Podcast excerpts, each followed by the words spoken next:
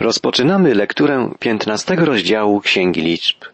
Otwiera on tę część czwartej Księgi Mojżeszowej, która opisuje lata tułaczki ludu izraelskiego po pustyni.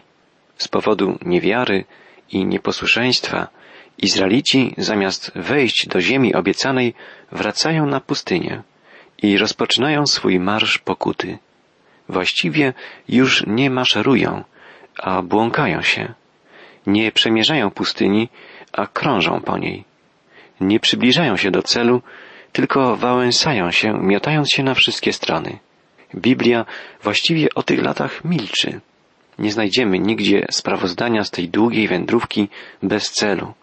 Dowiemy się zaledwie o kilku incydentach, kilku najważniejszych wydarzeniach. Były to lata stracone, lata zmarnowane. Dowiadujemy się z piątego rozdziału Księgi Jozłego, że w tym czasie Izraelici nie obrzezywali swoich dzieci. Nie przestrzegali więc przymierza zawartego przez Boga z Abrahamem. Lud izraelski nie składał też w tym okresie czasu należnych ofiar. Czytamy w księdze proroka Amosa. Czy składaliście mi ofiary krwawe i ofiary z pokarmów na pustyni przez czterdzieści lat domu Izraela? Nie. Tak odpowiada prorok. Te ofiary jak pamiętamy z lektury Księgi Kapłańskiej, wskazywały na Chrystusa, na Mesjasza, który miał przyjść. Izraelici nie składali ofiar, a co więcej, składali ofiary pogańskim bożkom. Czytamy dalej w księdze Amosa, nosiliście Sikuta, waszego króla, i Kewana, obrazy waszych bóstw, które sami sobie uczyniliście. Mówił o tym także w natchnieniu Szczepan, jak czytamy w księdze dziejów apostolskich. Wtedy odwrócił się Bóg i oddał ich w służbę zastępów niebieskich. Jak napisano w księdze proroków, czy mnie składaliście ofiary i dary przez czterdzieści lat na pustyni domu Izraela? Tak, nosiliście namiot Molocha i gwiazdę bożka Romfana, bałwany, które uczyniliście, aby im bić pokłony. Widzimy więc, że lud izraelski nie był Bogu wierny przez te lata tułaczki, lata stracone z powodu nieposłuszeństwa i niewiary. Przypatrując się wędrówce ludu izraelskiego po pustyni, możemy dokonać wielu ważnych dla nas spostrzeżeń.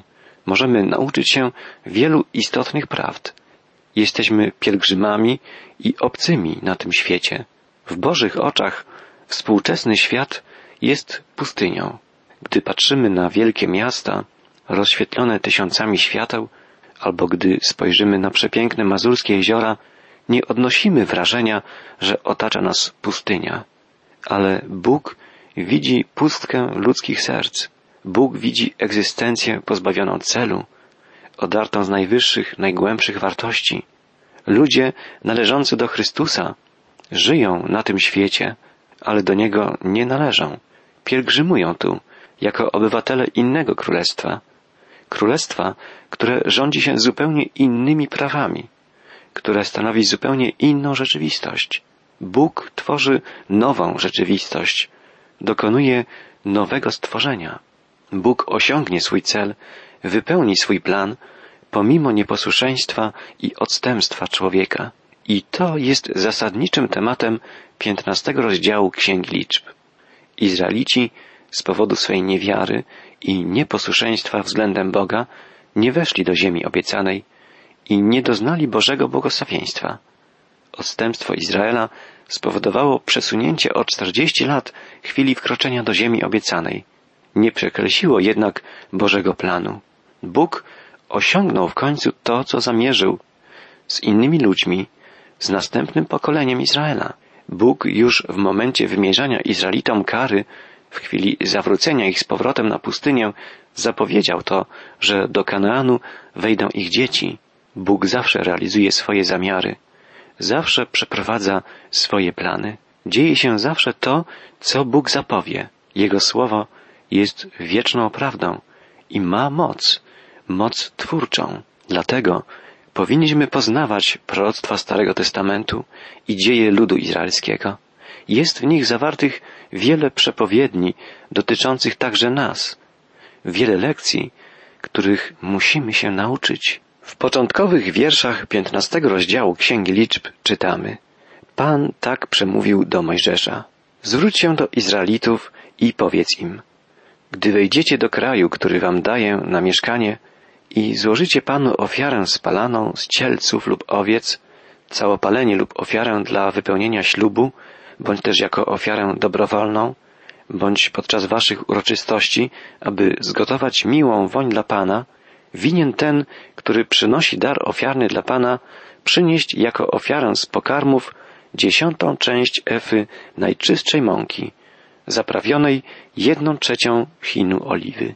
Bóg rozpoczyna mówić Izraelitom, co powinni robić, gdy wejdą do ziemi obiecanej. Czterdzieści lat później nowe pokolenie Izraela, dzieci tych, którzy obawiali się wejść do Kanaanu, wkroczą do ziemi obiecanej i zdobędą ją. Bóg mówi dzieciom Izraela, jakie ofiary będą mu składać w ziemi Kanaan. Ofiara pokarmowa ma być zaprawiona dużą ilością oliwy, która symbolizuje Ducha Świętego. Potem, gdy Bóg mówi o ofierze z płynów, poleca Mojżeszowi, by Aaron ofiarował połowę chinu wina. Wino wskazuje na radość. Pomimo więc, że Izraelitów czeka długa tułaczka po pustyni, Bóg widzi już radosną przyszłość. Następne pokolenie wejdzie do ziemi obiecanej i będzie wierne Bogu. Stanie się tak mimo tego, że ich ojcowie zginą na pustyni, zdegenerowani odstępstwem, niewiarą i bałwochwalstwem. Czytamy dalej od wiersza szóstego. Przy ofierze z barana złożysz dwie trzecie efy najczystszej mąki, zaprawionej jedną trzecią chinu oliwy oraz ofiarę płynną z wina, jedną trzecią chinu, jako miłą woń dla Pana, gdy ofiarujesz młodego cielca jako ofiarę całopalną lub ofiarę na wypełnienie ślubu, albo jako ofiarę biesiadną dla Pana, dodasz do cielca jako ofiarę z pokarmów trzydziesiąte efy najczystszej mąki, zaprawionej połową chinu oliwy, a jako ofiarę z płynów dasz połowę chinu wina, jako miłą woń ofiary dla Pana. Tak należy czynić przy każdej ofierze z cielca, barana oraz jagnięcia czy koźlęcia. Stare pokolenie będzie oddawać na pustyni cześć bożkom, ale nowe pokolenie Izraela będzie składać w ofierze jedynemu żywemu Bogu cielce, baranki, kozły, a także mąkę, oliwę i wino zgodnie z Bożym poleceniem. Wszystkie te ofiary, jak pamiętamy z naszych rozważań Księgi Kapłańskiej, czyli trzeciej Księgi Mojżeszowej, wskazują na Jezusa. Taka jest ich symbolika. Wskazanie na Jezusa, na Jego dzieło. Drogi słuchaczu, a jak to jest w Twoim życiu? Zapewne w niedzielę chodzisz do kościoła i myślisz o Jezusie, ale co dzieje się potem? Jak postępujesz? O czym myślisz? Czym żyjesz, gdy w poniedziałek wychodzisz na pustynię tego świata? Czy dalej myślisz o Chrystusie, o Jego Słowie, o Jego miłości, o Jego dziele zbawienia? Czy też włączasz się bezwolnie w nurt odstępstwa i bałwochwalstwa panujący dookoła? Czy oddajesz cześć żywemu Bogu, czy martwym bożkom tego świata? Czy nie żyjesz przypadkiem podwójnym życiem, pobożnym, chrześcijańskim w niedzielę, a całkiem innym, egoistycznym, samolubnym w ciągu całego tygodnia? Pamiętaj, że Bóg pragnie być z nami na co dzień. Nie chodzi o to, żeby nasze życie miało jedną szufladę z rzeczami odświętnymi, a drugą z codziennymi troskami, pragnieniami, z samowolą i porządliwością. Nie. Jezus chce przemienić każdą dziedzinę naszego życia. Chce być z nami na ulicy, w sklepie, chce uczyć nas uprzejmości i uczciwości, chce być z nami w miejscu pracy, by przypominać nam o wytrwałości i sumienności. Chce być w naszych domach, żeby uczyć nas miłości i czynić nas szczęśliwymi w relacjach rodzinnych. Bogu nie chodzi o to, żebyśmy śpiewali Mu i uwielbiali Go w niedzielę, a w ciągu tygodnia robili wszystko po swojemu. Postępowali nieuczciwie, samowolnie, samolubnie. Naszego Pana wcale nie cieszy to, że w niedzielę w kościołach jest tak wielu Polaków, a w ciągu tygodnia jest tak wiele kłótni, oszustw, pijaństwa, tyle niewierności, zawiści, korupcji. W księdze proroka Izajasza czytamy słowa, które prorok wypowiada w imieniu Boga. Przestańcie składania czczych ofiar. Obrzydłe mi jest zwoływanie świętych zebrań. Nie mogę ścierpieć świąt i uroczystości. Nienawidzę całą duszą waszych świąt i obchodów. Stały mi się ciężarem. Gdy wyciągniecie ręce, odwrócę od was me oczy. Choćbyście nawet mnożyli modlitwy, ja nie wysłucham was. Obmyjcie się, bądźcie czyści, usuńcie zło uczynków waszych sprzed moich oczu. Przestańcie czynić zło. Te słowa Pana powinny nas zastanowić.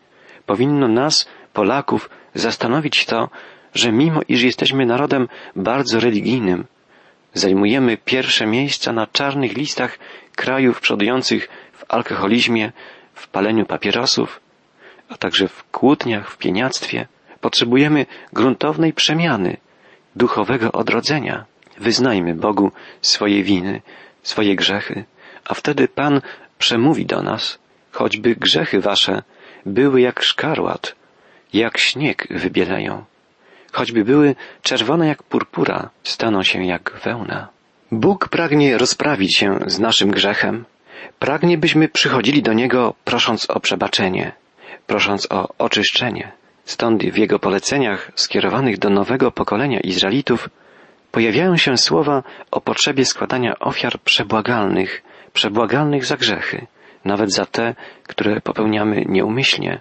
Od 22 wiersza 15 rozdziału Księgi Liczb czytamy Jeżeli przez nieuwagę nie wykonacie wszystkich tych nakazów, które Pan wypowiedział do Mojżesza, tego wszystkiego, co nakazał Pan przez Mojżesza, od dnia, w którym Pan to nakazał i poprzez następne wasze pokolenie, zapomni tego uczynić zgromadzenie, winno całe zgromadzenie złożyć cielca na ofiarę całopalną, jako miłą woń dla Pana, a do tego odpowiadającą przepisom prawa ofiarę z pokarmów i płynów, wreszcie kozła jako ofiarę przebłagalną.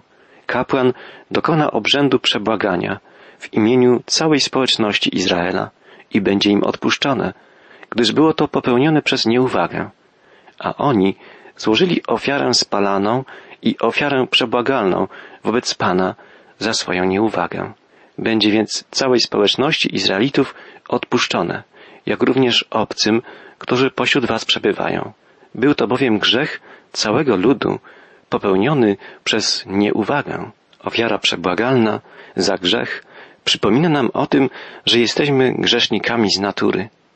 Bez Bożego przebaczenia i bez przemiany serca jesteśmy zgubieni. Jezus Chrystus przyszedł po to, by zbawić wszystkich, którzy są zgubieni, wszystkich grzeszników, a więc wszystkich ludzi, bo każdy z nas jest grzesznikiem. Czasem pojawia się pytanie, jak Bóg postąpi z ludźmi, którzy nie mieli okazji usłyszenia Ewangelii? Czy będą oni potępieni? Tu widzimy właśnie, jak Bóg postępuje względem ludzi żyjących przed Chrystusem. Bóg oczekuje posłuszeństwa i czystości. Każdy człowiek ma świadomość zła i ma sumienie, ma poczucie moralności. Francis Schaeffer mawiał, że wystarczałoby zawiesić na szyi każdego człowieka mały magnetofon i pod koniec życia odtworzyć jego wypowiedzi, jego własne wypowiedzi osądzające postępowanie innych. To wystarczyłoby, żeby na podstawie jego własnych wypowiedzi odnośnie innych osądzić jego samego. Tak, mamy świadomość zła i dobra. Wszyscy jesteśmy grzesznikami i wszyscy potrzebujemy Bożego przebaczenia, Bożego ratunku. W końcowej części piętnastego rozdziału Księgi Liczb, czyli czwartej Księgi Mojżeszowej, czytamy o pewnym tragicznym wydarzeniu.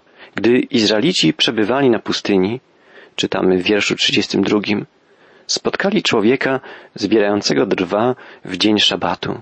Wtedy przyprowadzili go ci, którzy go spotkali przy zbieraniu drew do Mojżesza i Arona i całego zgromadzenia. Zatrzymali go pod strażą, bo jeszcze nie zapadło postanowienie, co z nim należy uczynić.